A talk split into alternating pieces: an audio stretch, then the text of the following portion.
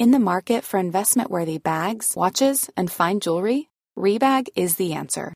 Rebag is a luxury resale platform where each piece is carefully inspected by experts to ensure quality and authenticity. Use Rebag to buy and sell finds from the world's top brands, including Louis Vuitton, Chanel, and Cartier. Head to Rebag.com and get up to 15% off your first purchase as a member with code REBAGNEW. Shop today at Rebag.com. That's R E B A G.com. And use promo code REBAGNEW for up to 15% off your first purchase as a member. Hiring for your small business? If you're not looking for professionals on LinkedIn, you're looking in the wrong place. That's like looking for your car keys in a fish tank. LinkedIn helps you hire professionals you can't find anywhere else, even those who aren't actively searching for a new job but might be open to the perfect role. In a given month, over 70% of LinkedIn users don't even visit other leading job sites. So start looking in the right place. With LinkedIn, you can hire professionals like a professional. Post your free job on linkedin.com slash people today. It's that time of the year. Your vacation is coming up. You can already hear the beach waves, feel the warm breeze, relax, and think about work. You really, really want it all to work out while you're away. Monday.com gives you and the team that peace of mind. When all work is on one platform and everyone's in sync, things just flow wherever you are. Tap the banner to go to Monday.com.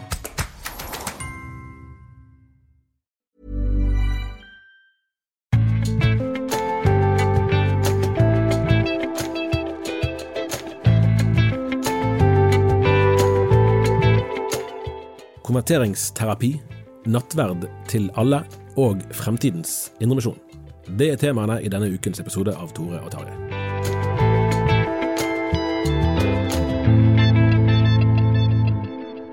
Torhjalmar, etter et eh, besøk på Bildøy for noen uker siden, så er du og meg, Tor Hjalmar Sævik og Tarjei Gilje tilbake på kontoret. Ja, det er vel ikke Sa du noen uker siden? Jeg tror det var forrige uke. Sier du det, altså? Ja da, så det er ikke, det er ikke lenger. Tida går ikke så fort. Nei, det har du rett i. Det var faktisk forrige uke. Ja, ja. Det var jo tidlig forvirring, det der. Ja ja, sånn kan det gå. Men vi er i hvert fall på plass på eh, kontoret nå på en ganske alminnelig høstdag i november. Veldig varm november, egentlig. Ja, det er det, men uh, det kan nok forandre seg. Ja, det får vi se på. Ja, ja det er ikke sikkert. Det, det blir jo det blir varmere. Nå så jeg det var åtte varmeste åra på rad som har vært ja, målt. Ja, ja. Så det er jo um, Ja, det skal egentlig ha vært frost for flere uker siden. Vel, vel. Det er ikke det vi skal snakke om i dag, selv om vi kanskje burde snakket mer om det. Det, får, vi, det, får, vi, det får vi komme tilbake til. Vi skal begynne med å snakke om, eh, om, konverteringsterapi. Det var vel et ord som eh, ingen av oss hadde hørt om for eh, ganske få år siden? Nei, det tror jeg stemmer. Og uh, det har jo vært litt forskjellige begrep. Noen har også brukt begrepet homoterapi mm. og uh, forskjellig. Men, men, dette er jo um, noe som er blitt uh, i stadig økende grad diskutert. også fått politiske konsekvenser da det i fjor ble lagt fram et forslag i juni fra Solberg-regjeringa. Det er faktisk eneste gang jeg snakka med Erna Solberg i Oslo. Mm. I forbindelse med at det, Med munnbind, tror du sa i sted? Ja, jeg tror jeg hadde munnbind fortsatt da. Ja. Så da eh, foreslo jo Solberg-regjeringa å forby det de kalte konverteringsterapi, som vel enkelt oppsummert handler om å eh, prøve å, å, endre en persons eh, seksuelle orientering eller kjønnsidentiteten ved hjelp av terapilignende mm. mm. former. Men dette er jo vanskelig å diskutere, fordi en har ikke helt konkrete eksempel på hva det er en vil forby. En kan, kan beskrive det, men, men det er ikke liksom eh, Jeg har vel ikke hørt noen forklare hva som foregår i dagens Norge, som nå ikke skal foregå lenger. Nei, Det var jo omtalt litt i det høringsnotatet, husker jeg den gangen, at, at det er noen eh, fortellinger om, om eh, ting som kan falle inn, falle inn, under en sånn kategori, men man har egentlig ikke noe, noe ordentlig oversikt over det. Nei, men, men, men, det har jo kanskje vært vist til f.eks. amerikanske mm. tilfeller. Jeg, jeg merker det da jeg var i USA i, i september. Ja, ja, det har jo også vært noe, tror jeg, i England. Ja da, så, så, så, så det har jo eksistert. Det er et fenomen som finnes på et vis, men, men utbredelsen er litt uavklart. Men det har jo eh, nå statsråd Trettebergstuen sagt ganske tydelig at det spiller ikke så mye rolle for henne om dette skjer få eller mange ganger. De vil forby det uansett. Det ja. Men når du nevner Trettebergstuen, så er jo noe av det interessante her den eh, endringa som ligger i forslaget som, som eh, Nettopp, Abid Raja Ganske nøyaktig et år senere så var det den nye da, regjeringen Støre som la frem et litt strammere forslag. Ja, for, for de uttrykte jo spontant eh, ganske stor misnøye med, Ja, ja. med det forslaget som, eh, som kom i fjor. Og de, de begrensningene som lå der, det ene var det med aldersgrense, altså at en ville sette ei øvre aldersgrense på 16 eller 18 år, eh, Solberg-regjeringa, som eh, En var ikke helt liksom enig med seg sjøl hva, hva som skulle være grensa. Og så var det også eh, at en ville tillate markedsføring, og det skulle da eh, måtte være en frivillig sak for myndige mennesker, da, om, om en ville eh, oppsøke skal en kalle det behandling eh, for, for uønska følelser. Ja. Og så husker jeg det sto også ganske eksplisitt i det notatet at eh, verken eh, altså pastorer, prester, sjelesørgere eller eh, altså leger, medisinske behandlere, eh, trengte å frykte at, at deres samtaler ville bli rammet. Det, det skulle de ikke bli. Så det var liksom eksplisitt sagt. Og, det, og disse tingene er, er vesentlig forandret i det eh, høringsnotatet, eller lovforslaget, da, som nå er til behandling. Ja, for, for, for det er jo eh, vel framstilt mer sånn at det kan eh, falle inn under hvis det har repeterende, altså at det, det er noe som blir gjentatt, og at det har eh, mulighet eller sannsynlighet, jeg husker ikke hva uttrykk som er brukt, for å forårsake psykisk skade. Um, og dette blir jo kanskje litt ytterligere komplisert, fordi det også er snakk om kjønnsidentitet. Og, og det er jo et begrep som også er veldig nytt i moderne norsk. Jeg vet ikke når jeg, jeg hørte det første gang, men, men det er jo ikke noe sånn Det er jo ikke vært et gjengs begrep veldig lenge. Eh, og dermed så er det jo et fenomen som, som eh, jeg tror også ganske mange befolkninger eh, sett i stort ikke nødvendigvis har noe avklart forståelse av hva, hva de sikter til. Eh, og, og dermed så, så er vel eh, både det at en ikke helt klart eh, definerer hva som skal bli forbudt, men heller ikke eh, av, av handlinger, da, men, men heller ikke definerer hva eh, hva det, det, det er for noe, da. Særlig det som går på, på identitet. Det er jo et, et komplekst spørsmål for de fleste av oss. Ja. Og da var det altså sånn at dette eh, lovforslaget ble lagt frem i, eh, altså i juni før, før sommeren. Eh, Det var en høringsrunde, den hadde svarfrist nå i oktober, og jeg lurer på om det var et par tusen, det var voldsomt mange eh, svar som var kommet. Eh, og der var det jo interessant å legge merke til at flere ganske tunge instanser hadde forholdsvis eh, vektige innvendinger. Ja, og det var kanskje ikke de instansene en først skulle vente det fra, eller kanskje var det de instansene en først skulle vente det fra. Det, det kommer litt an på øynene som ser, men det er jo blant annet eh, Advokatforeninga og Riksadvokaten og eh, Redaktørforeninga, mm. vel, som, eh, som problematiserer dette med en rekke kirkelige instanser, eh, eksempel da eh, en del av biskopene og kirkerådet osv. ikke eh, hadde samme grad av innvendinger. Du kan jo si at de kirkelige instansene er delt. At det er Ja, en, det er del, en del av de som helt sånn sympati, altså som Ja. støtter det helt fullt, og så er det en del som problematiserer det. Ja, og, og der er det også en deling som vi kjenner i Ja, synet på, på hele tatt det som går på seksualitet og, identitet, knyttet ja, en sånn liberal-konservativ akse, Mm. der de som eh, gjerne eh, lavkirkelige organisasjoner og eh, frikirkelige eh, kirkesamfunn, er, eller trossamfunn, er bekymra for at dette her skal egentlig ramme eh, trosfriheten og Ja, ytringsfriheten i Norge, medan da eh, en fra kirkelig hold vil tenke at dette, handler om å beskytte sårbare Mm. enkeltmennesker mot, eh, mot egentlig en slags åndelig kvakksalveri. Mm. Og så skriver f.eks. Legeforeningen, som, som oppfatter egentlig er grunnleggende positivt innstilt til selve tenkningen, og at, at syns det er vanskelig å bruke terapibegrepet, fordi det gir inntrykk av at dette er noe sånn medisinsk lignende eh, behandling, mens vel noe av poenget er at dette, det, det er få som egentlig anser at dette er noe som verken skal eller kan behandles gjennom terapi. Ja, men, men handler ikke det delvis om at et begrep som sjelesorg er litt vanskelig å, å Altså Apropos, somme begrep er vanskelig å forstå fordi de er nye, andre er vanskelig fordi de er gamle. Ja, det kan si. Eh, og, og, og sjelesorg er vel et begrep som jeg vil anta at den Altså, Ola Nordmann ikke nødvendigvis helt ja. uh, veit hva Nei, er. det er jo, det er jo et, jeg, jeg, det, var, et fag på NLA, jeg husker Ja, jeg studerte der. Så det er kommer av tysk. Selsorg, altså omsorg for sjelene. Ja, ja, nettopp. Og så, for da er vel gangen at, eh, at nå er høringsrunden er ferdig, så da skal eh, høringssvarene gjennomgås, og så er det vel ventet eh, lovforslag til Stortinget. Man vet jo aldri helt hvor lang tid sånne prosesser tar, men kanskje til våren, da, eller utpå Ja. ut på nyåret. Og Da blir det spennende å se eh, i hvilken grad regjeringen tar hensyn til, til altså hvilke av innspill de tar hensyn til. Eh, og så har det vært en, blant annet en interessant runde i, i den konservative avisen Minerva. Eh, For der er jo en, en, en sånn eh, forskjell i at den, altså Solberg-regjeringen, Abid Raja som da var kulturminister, nærmest beklaget at han ikke kunne gå lenger enn han gjorde, men at det var menneskerettighetsforpliktelser som, som eh, hindret ytterligere til, tilstramning.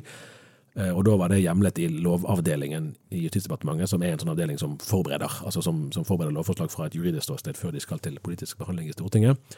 Mens da den samme avdelingen angivelig eh, har gitt grønt lys for den, det lovforslaget som Trettebergstuen fremmer, som jo er strengere. ja. Og, der eh, er det litt uklart. eh, Ja, det er rett og slett litt uklart hva, som, hva er egentlig vurderingen. Altså det der er jo en sånn ting som skal bli interessant å se, den videre, videre gangen. Ja, jeg vil, bare sitere her fra, fra statsadvokatembetet sitt høringssvar. Altså, det er nok riksadvokat, Riksadvokaten. Vi skal ikke gi oss inn for å ut for å kunne forklare inngående forskjeller mellom disse forskjellige instansene. Men, eh, men det, eh, de har jo iallfall avgitt hver sin høringsuttalelse. Og statsadvokatembetet eh, skriver at eh, er ikke imot forbud mot konverteringsterapi i seg selv, men det foreliggende straffeforslaget går svært langt og har et vidtrekkende anvendelsesområde. Og Det handler vel også om, om kanskje strafferammer på inntil seks år. Ja. Og det, og det er jo samtidig uaktsomt drap. Ja, så det er jo et veldig dramatisk eh, Altså veldig høyt straffenivå, Ja. det må vi kunne si. Nei, for det, det blir jo spennende å se på den måten at dette eh, Altså tenkningen her eh, har jo støtte fra eh, altså sterke miljøer. Ja, ja og det, jeg blir sikkert eh, litt uh, i fare for å gjenta meg sjøl, men dette er jo et internasjonalt fenomen. Ja. Som, er, som, er, Som mye er. fra tid. Som mye Ja, er. Eh, og, og du har jo disse diskusjonene i eh, altså New Zealand har innført forbud, eh, enkelte delstater i USA har innført forbud, det har vært mye diskusjon om i Storbritannia. Israel tror jeg faktisk har innført forbud. Eh, så, så dette er jo eh, Ja, dette er ikke særnorsk. Men det norske er nok eh, av de strengeste, eller om ikke det strengeste. I hvert straffe. Ja. Nei, og Det er jo en, en, en del av en samfunnsutvikling, altså som vi snakket om i sted, at dette er selve fenomenet. For det tror jeg kanskje at ikke minst en del av de kristne eller kirkelige instansene blir tatt litt på sengen i den forstand at i det begrepet homoterapi eller konverteringsterapi kom på bordet, så sitter man der ja, men dette driver ikke vi med. Eh, Og, og man, Det var liksom en konstruksjon som man ikke man forsto ikke hva det egentlig var for noe. Eh, Og, og man møter jo, det er jo et innsteg til tematikken som er et annet enn det, enn det de fleste vil, vil kjenne seg igjen i. Eh, Og forståelsen av kjønnsidentitet, at det er et avvik mellom det biologiske kjønnet man har og det kjønnet man identifiserer seg som, er jo òg en problemstilling som man ikke helt Altså Dette er jo, ikke, dette er jo ting som er under utvikling. Ja da, og- Eh, og det er jo ikke- politisk og kulturelt og alt i samfunnet. Sånn at man, Ja da, for, vi har jo på, på noen områder så særlig eh, det som handler om, om eh, ja, kjønn, kjønn og seksualitet, identitet og sånt, så må man vel kunne si at lovgivninga eh, blir til før Altså det, den er normerende, da, i viss forstand. For jeg, for jeg tror at det er ganske mange nordmenn som ikke nødvendigvis tenker over at det er seks år har vært eh, måte fri altså for, personer over seks år. Eh, siden 2016 så, så er det anledning til å, å, å velge juridisk kjønn. Så, så, så du kan altså gå inn på Altinn og, og rett og slett levere en eh, søknad om, om, å, om å bli kvinne juridisk. Eh, og og det, det er jo noe som jeg, som jeg tror for de fleste nordmenn er litt sånn altså det, det, Jeg har ikke inntrykk av at det er noe sånn veldig engasjement imot det, men det er ikke nødvendigvis noe som folk tenker over kanskje konsekvensene av. da. Eller liksom, en, en tenker gjerne at det er For de som har behov for det, så er det greit at det er sånn, kanskje det er det som er mer. Men, men at, at dette er, i praksis er noe som, som jeg tror eh, ja, kanskje ikke framstår sånn helt opplagt uh, at, at det, det er sånn virkeligheten er da, for alle. Det, det er jo kanskje et spørsmål. Nei, altså, Og så berører det jo altså Det å være eh, Altså Kjønn er jo for mange i hvert fall eh, ganske grunnleggende i, i den menneskelige identiteten. Eh, og én ting er jo at, eh, at man vil eh, nå var det jo, Denne uken her òg var det vel et nytt forslag om å innføre tredje kjønn som Venstre fremmer, men som Arbeiderpartiet kommer til å stemme imot, selv om de egentlig i form av de holder på å utrede et eget forslag. sånn at det kan jo godt være det, at det blir eh, vedtatt i løpet av ikke så fryktelig lang tid. Eh, og så eh, blir det jo en vurdering på et visst nivå hvorvidt de kanskje få unntakene som benytter seg av det, forstyrrer eller hindrer eller endrer hoved, altså det som er forståelsen for, for de aller fleste i samfunnet. Det er jo noe av, av et sånn politisk uh, utfordring i, flere av disse uh, spørsmålene om det at det er noen som opplever at uh, ja, men det finnes bare to kategorier, jeg passer ikke inn i noen av de. hvorvidt det ja, er, til, er, et problem for alle. Jeg, jeg, vi snakker litt om dette her i, i forkant. Et av de tingene som jeg, jeg oppfatter at du du hadde på hjertet der. Og det er jo liksom dette at sommere tenker dette her er eh, virkelig eh, katastrofe for den vestlige sivilisasjonen. Her, her, står helt grunnleggende mm. ting på spill, og, og at vi, vi, står overfor en kulturell utvikling som, som eh, ja, er veldig dramatisk og, og, og svært ødeleggende. Og så vil andre si nå, eh, nå blir det litt sånn apokalyptisk og overdrevet, og dette gjelder et lite antall, og det gjelder ja, Kanskje er det en sånn overreaksjon nå i forhold til ting som har vært for smalt før, og så går det seg til på litt sikt, og så, og så trenger ikke vi liksom å, å piske opp stemninga så voldsomt. Hva, hva, tenker du egentlig? Ja, Det er jo kanskje litt eh, Jeg tror det er riktig det, at, at det er noe imellom de, uh, imellom de perspektivene der jeg tror vi, vi beveger oss. Uh, og jeg synes det, er påfallende egentlig, altså de, i hvert fall sånn fra, fra kirkelig hold, da, at de Eh, de miljøene som, som er kritisk innstilt, eh, er eh, litt sånn underlig defensive eller tause i den offentlige debatten. Og, og, det gjelder, tror jeg, egentlig ikke bare de. Jeg tror det, er jo sannsynligvis òg en god del andre miljøer eller segmenter i befolkningen som, som ikke helt henger med på, på den tenkningen som ligger i regjeringens forslag.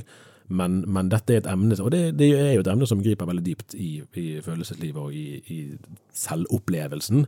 At det er ikke så lett, og det er ikke som å diskutere skattenivå eller uh, broer og veier og tunneler. Uh, det er mye mer følsomt enn det, så det er en ting som det er vanskelig å snakke offentlig om. Uh, og, det, og, det er jo, og her er et dypt alvor bak det. Sant? For at det er altså, den opplevelsen av å føle seg utrygg på gaten, sant? og, og selvfølgelig som skytingen i Oslo i sommer illustrerer, selv om det er Det var ikke et høyt antall mennesker som ble drept, men eh, kan det være meg i morgen?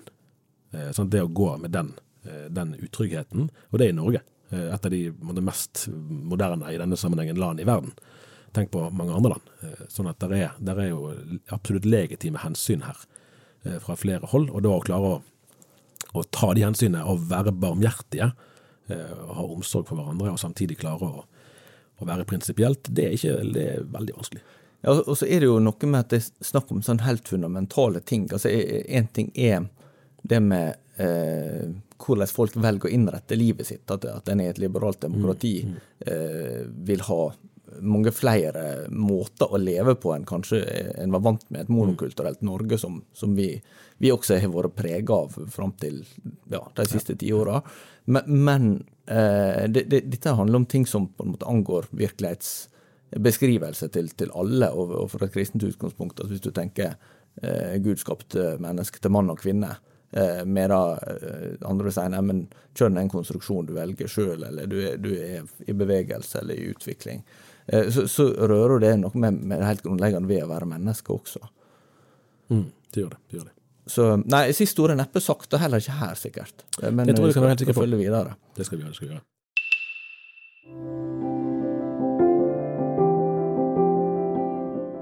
Visste du at Knif Trygghet gir deg gode forsikringer og god oppfølging?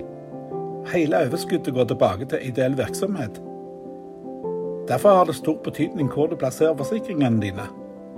Det spiller nemlig en rolle hvilket forsikringsselskap du velger. Da skifter vi eh, emne til eh, noe ganske annet, nemlig eh, nattverds både teologi og historie. Ja, nå skal vi Nå skal jeg passe meg for å, for å gå for langt tilbake i historien, men, men, hvor lenge var det påbudt å gå til nattverd i Norge? Ja, det er du som skal svare på det. Og jeg skal svare. Ja. Nei, altså formelt så, så besto det påbudet fram til 1913, hvis, det, hvis den var hvis den var døpt og statskirkemedlem. Eh, men, men, eh, det er jo langt tilbake. Nå, nå skal vi over til en annen situasjon. Eh, og Det ble jo ikke praktisert, som vi skal sikkert komme tilbake til. Men det er jo da tidligere biskop Atle Sommerfelt ja. som intervjua i Vårt Land, fordi han ja. Mener egentlig at alle bør kunne komme til nattverd. Ja, altså, det, det er jo et interessant bakteppe først, og det syns jeg han skal få den. Altså at, eh, at han, han sier han var trøtt av at alle piler pekte nedover, så han prøvde å sjekke litt i arkivene om det, om det var så dårlig stilt som han kunne få inntrykk av. Ja, i kirkestatistikken. Nettopp, nettopp. Og da snakker vi om dåp, da snakker vi om oppmøte til gudstjeneste, snakker vi om eh, presterekruttering. For det er, jo, det er jo sant det, at Ja. det er mange piler som peker nedover, og, og det skjer på en måte ja, det, det, det virker som det er vanskelig å snu, for å si det sånn. Eh, og da sier han, eh, gjengitt i Vårt Land, at i 1969 så var det 728 000 eh, som gikk til nattverd eh, i Den norske kirke. I 2019, eh, for tre år siden, så var tilsvarende tall 1,3 millioner. Eh, det er jo nesten en dobling. Eh, Og Det er jo en ganske stor overraskelse, og det er jo veldig interessant. Man kan si mye om det. Og en sånn historisk, Et historisk bakteppe er jo tilbake til den tiden som du beskrev nå, mens det ennå var, var påbudt. På slutten av 1800-tallet så snakker man jo om det store nattverdfallet. Og det er jo kanskje, kanskje noe av det mørkeste eh, man kan si om vekkelsesforkynnelsen, som jo bl.a. bedehusbevegelsen var en viktig bærer av, nemlig at man skapte et skille som gjorde at mange mennesker eh, plutselig da eh, følte at de var ikke fromme nok, eller verdige nok, og i hvert fall ikke øyne til de andre, at de var verdige nok, til å gå til nattverd. Så, det var, så, så deltakelsen eh, dalte. Eh, og det finnes jo mange sånne såre historier fra den tiden. Dette er jo kanskje et par generasjoner ofte tilbake fra deg og meg, selv om det finnes absolutt eksempler i dag òg, der, der eh, tro, eh, virkelig flotte, flotte kristne mennesker eh, gikk gjerne i kirken, men, men fikk seg ikke til å gå til nattverd. Eh, mye smerte eh, der, eh, og det er veldig flott at den utviklingen er blitt, eh, er blitt korrigert. Men så er det jo Sommerfelt går en god del lenger. Ja, han eh, åpner for at muslimer også kan gå til nattverd, for han tenker at eh, eh, nattverd er ikke egentlig avhengig av den enkelte sin tru, men eh, av, at det er et uttrykk for Jesu nærvær. Ja. Eh, og, og, og det er jo litt sånn Jeg kan ikke huske at en, en biskop i Den norske kirke har sagt noe lignende i vår eh, eh, levetid, som jeg har fått med meg iallfall. Um, så, eh, så det er litt sånn eh, Det er litt sånn uvirkelig. Ja, det synes, når jeg leste det først, så tenkte jeg i hvert fall med en gang at ok, her, her blir det tydeliggjort at eh, altså folkekirkekristendommen, som man kan si at det her er en Det er jo ikke typisk dette her, det er jo mer, om man skal si, radikalt, da, eller hva, enn det. Eh, men her er forskjell stor fra et tradisjonelt bedehus, eller en tradisjonell frikirke, til, eh, til dette. For der vil man jo legge vekt på sånn, Paulus advarer jo mot å drikke seg sjøl til doms. Og, og om, man har noe uoppgjort, eh, så skal ikke man gå til nattverd osv. Og, og, og I noen sammenhenger praktiserer man jo gjerne til og med skriftemål før nattverd. Ja, og det, det er jo en del av også det som, som gjelder situasjonen i Den norske kirke, at det var jo sjeldnere nattverd tidligere. Altså det, det var jo ganske vanlig å ha høgmesse, altså ordinær gudstjeneste uten nattverd. Ja, ja. Så her er liksom kristendomsformen, da, eller forståelsen av hva, hva gudstjeneste er for noe, de forskjellene blir veldig synlige Ja. i, dette, i dette forslaget. Det er helt klart. Og, og det går jo også på, på misjonsforståelse. Ja, Altså, ja. og, der er jo å koble inn et annet tema som, som også er litt kanskje oppleves iallfall beslekta. Når, når du nå har diskusjon om ny bibeloversettelse, og det er snakk om å, å, å endre eh, Johannes 3,16, verdens mest kjente bibelvers, fra, eh, at, for at eh, eh, For så elsker Gud være at han gav sin sønn den enbårne, så hver den som tror på Han, ikke skal gå fortapt, men ha evig liv. Så at det nå foreslår å, å, å endre til gå til grunne.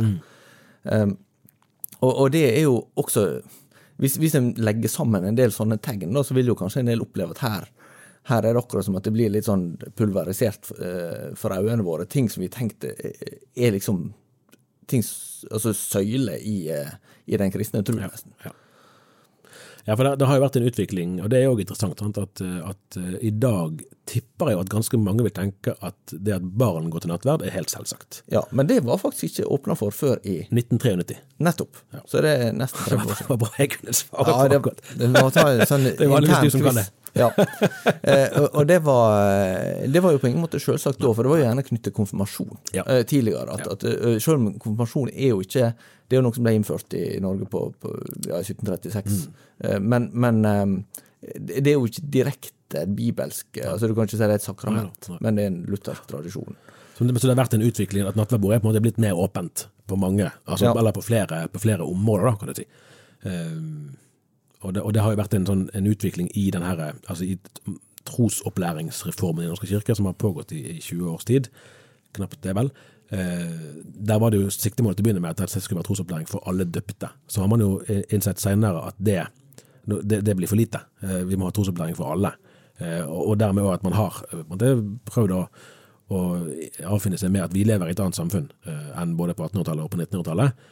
Eh, men her går jo likevel Sommerfelt, vil man vel si, eh, en del lenger. Eh, Men, og noe av det, et, et, sånn interessant nerve i det hele er jo nettopp at altså, når du og meg vokste opp, så var jo begrepet personlig kristen en ganske sånn distinkt begrep, og de fleste i hvert fall i de miljøene jeg beveget meg i, altså hvis man, hvis man regnet seg selv som personlig kristen, så visste man godt om det, og sannsynligheten for at de andre òg visste om det, var ganske stor. Mens i dag er det begrepet Eh, mye vanskeligere å, å, bruke, og det er vel, har jeg inntrykk av, egentlig veldig lite i bruk nå. Og det er jo nettopp den personlige trosdimensjonen som blir òg li, tillagt lite vekt da, i sommerfelt. Jeg tenkte hva den enkelte måtte tro og tenke sjøl, ja. det spiller ikke noe særlig rolle. Du kan komme til nattverd likevel for Guds nåde og nærværet til stede uansett. Og Da er, da igjen, da er forskjellen temmelig stor. da. Ja, for, men, men, du kan nesten snu på det. Hvis, hvis alle skal komme til nattverd, hvorfor skal da noen komme til nattverd i det mm. hele tatt? Mm. Altså, da, da er jo litt sånn hva er da poenget, egentlig? Mm. Ja. Det, det, det, det, spørsmålet illustrerer òg noe av den samme, altså en ganske grunnleggende forskjellig forståelse av hva en kirke og en gudstjeneste er, og hva er kirkens oppdrag, hva, hva er behov for misjon, f.eks. Ja. Så det illustrerer i hvert fall det, da. Eh, og så er det mye mer å si om saken, men, men eh, ja, det var et talende, talende eksempel. Ja.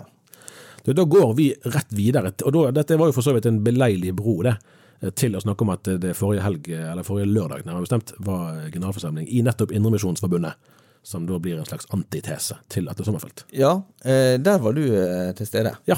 Og en av de tingene som eh, overraska deg, var altså, Det var jo skrevet litt hos oss om at eh, antall delegater var litt lavere mm. enn en det var eh, sist gang. Men det slo deg noe når du så utover forsamlinga som var der?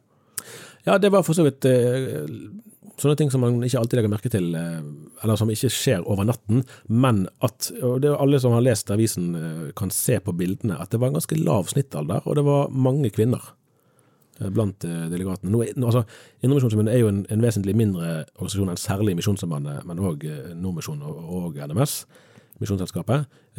Men det, men det er mye liv og røre der òg. Og her var akkurat det der en litt sånn interessant og, og kanskje Jeg tror det er nærliggende å se det i sammenheng blant annet da, med at de har gjort et strukturelt grep med at de fremfor å ha de tradisjonelle generalforsamlingene sommerstid, eh, som gjerne går over en uke og sånn, eh, så har man flyttet den til denne lederkonferansen som de har i november hvert år. Og noe av poenget med det var jo å komme bort fra en situasjon som nok jeg tror flere kan kjenne seg igjen i ulik grad, at generalforsamlingene i praksis samler helst eh, veletablerte, som er klar for å bruke en uke på generalforsamling mens viktige deler av organisasjonen egentlig ikke er til stede der som beslutningen blir fattet. Altså F.eks. unge familier, de som gjerne er med og bærer det daglige arbeidet rundt omkring på bedehusene. Men, men kan dette føre til at, an, altså, at den blir underrepresentert ja, ja, på, en måte, på en annen du, måte? Jeg tror du kan si at det gjør det. Ja, ja. Og det var noen innspill om det òg, at savn, noen savnet eh, den tradisjonelle generalforsamlingen, og det var lagt å reise for noen timer osv. Så, videre, og så, videre. så det der, der er en interessekonflikt der.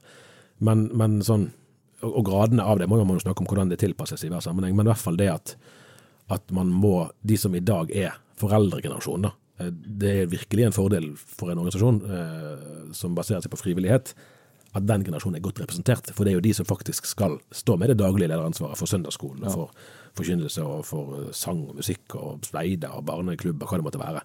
Så de, du må ha de med deg. Hvis ikke du har de med deg, så er da er ikke fremtiden så veldig lang.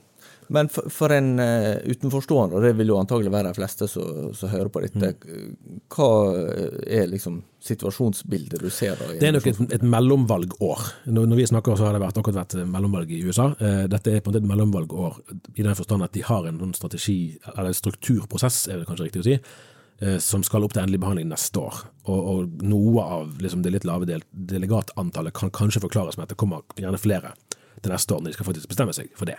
Så det kan nok være en, en viss uh, faktor. Uh, men den, den uh, preget samtalen en del, og der er det ett grep som, som, er interessant. Og da skal vi ha det at IMF er den, som sagt, den minste av disse organisasjonene. De var tidligst ute med å, å etablere trossamfunn som en sånn register mer enn en reell kirke, men i hvert fall at de som ikke ønsket å være medlemmer i Norske kirke lenger, kunne melde seg inn i da IMF trossamfunn. Seinere har jo særlig Misjonssambandet, men òg Nordmisjonen eh, gjort noe av det samme. Eh, og her eh, gjør IMF et grep som de andre ikke har gjort. Men for både NMS og Nordmisjonen og Misjonssambandet har hatt sine regionreformer eh, på 2000-tallet. Det er for så vidt en naturlig konsekvens av at samfunnet er i endring. Det har jo sammenheng med at arbeidet her har, har fått et mindre omfang, så man trenger måte færre eh, mellomledd. Men da har man gjerne diskutert skal vi gå fra ni kretser til syv eller fem. Altså at man har for så vidt strukturen intakt, men man har hatt færre forvaltningsnivåer. Ja, og noen altså, sånne sammenslåinger har en jo gjort allerede i Ja. Informasjonsforbundet. Så det Ja, var det jo flere det kretser tidligere. det er sant, det er sant. Men, men istedenfor da bare å på en måte diskutere hvor mange fylker vi skal ha, eh, så har IMF gått mer grunnleggende til verks og stilt spørsmål ved om det går an å organisere hele virksomheten annerledes, nemlig ut fra vi kan kalle det fagområder. F.eks. at de som driver eh, barne- og ungdomsarbeid, kan være organisert i et nettverk. da. De som driver forsamlingsarbeid, kan være organisert på en måte. De som driver skoler, kan være organisert sånn at da er man ikke nødvendigvis knyttet til geografi. For det kan jo godt være, og det er jo tror jeg noen sånn ganske typisk greie, at en som er forsamlingsleder et eller annet sted i dag, hvis eh, vedkommende lurer på hvordan jeg har en utfordring med et eller annet, hvordan skal jeg løse det? De man da vil snakke med, er ikke nødvendigvis den som er leder på kretskontoret, men det er en som er forsamlingsleder i en annen forsamling, som kanskje er da et fylke i en annen landsdel. Det er der man søker sammen. Eh, At man er mer oppgaveorientert enn nødvendigvis geografisk orientert. Eh, Jeg fornemmer at eh, det er kanskje vel drastisk til at de klarer å få gjennomslag for det til på generalforsamlingen som skal være i november neste år. Kanskje, det, det kan godt være det blir, men uansett syns jeg det, det er et grep som er, spennende å tenke over. da. Eh, ja, eh, Som er annerledes enn det som har vært gjort før. Det er vel eh, også interessant sånn sett å se hvordan dette landskapet kommer til å altså, Vi kan ikke se hvordan det kommer til å se ut, men vi kan, vi kan eh, lure litt på eh, hvordan ting kommer til å bli. For det, er jo flere av disse eh, lutherske misjonsorganisasjonene som ble til eh, seint på 1800-tallet, så, så egentlig litt, bare ganske tydelig preg av å ha blitt til for en annen tid. Ja. Eh, Både med hele organisasjonsformer og, og også satsinga på omreisende predikanter og møteveker. Mye sånt som, som er veldig lite igjen av. Ja, og der var det for så vidt eh, egentlig en interessant todeling i det at, at ja, på den ene siden så, så var det poengtert i eh, sakspapirene her at, at nå er det nesten ingen lenger som er sånne sentralt ansatte forkynnere som reiser rundt og betjener bedehusene sånn som det var. Eh, og det har litt å gjøre med at det er mindre etterspørsel og mindre aktivitet, men det har òg en sammenheng med at flere av bedehusene er blitt forsamlinger som er selvforsynte med forkynnere, og det er jo ikke noen ulykke. Altså det på det nivået så er det bare det at det har skjedd en forandring som i og for seg kan være til det gode, fordi at de forkynnerne som er i bedehusene fra uke til uke, vet jo faktisk om hva som ble sagt her forrige søndag, og man kan få en planmessighet i det som egentlig alle tjener på. Sånn at uh, endringene er ikke nødvendigvis bare av det onde. Og, og noe av det som, som jeg syns er spennende å prøve å følge med på, da, det er å se uh, hvem som klarer å være visjonære og prøve å tenke hva er faktisk bra for arbeidet nå, og hvem som er nødt til å bare tenke hva kan vi få folk med på. Eh, For hvis det er liksom sånn minne om fortiden som driver endringen, det er ikke nødvendigvis det beste for noen. Skal vi si det sånn? Vi sier det sånn. Takk for i dag. Vi eh, kommer tilbake allerede neste uke. Ja, ja. Ha det bra så lenge. Ha det godt.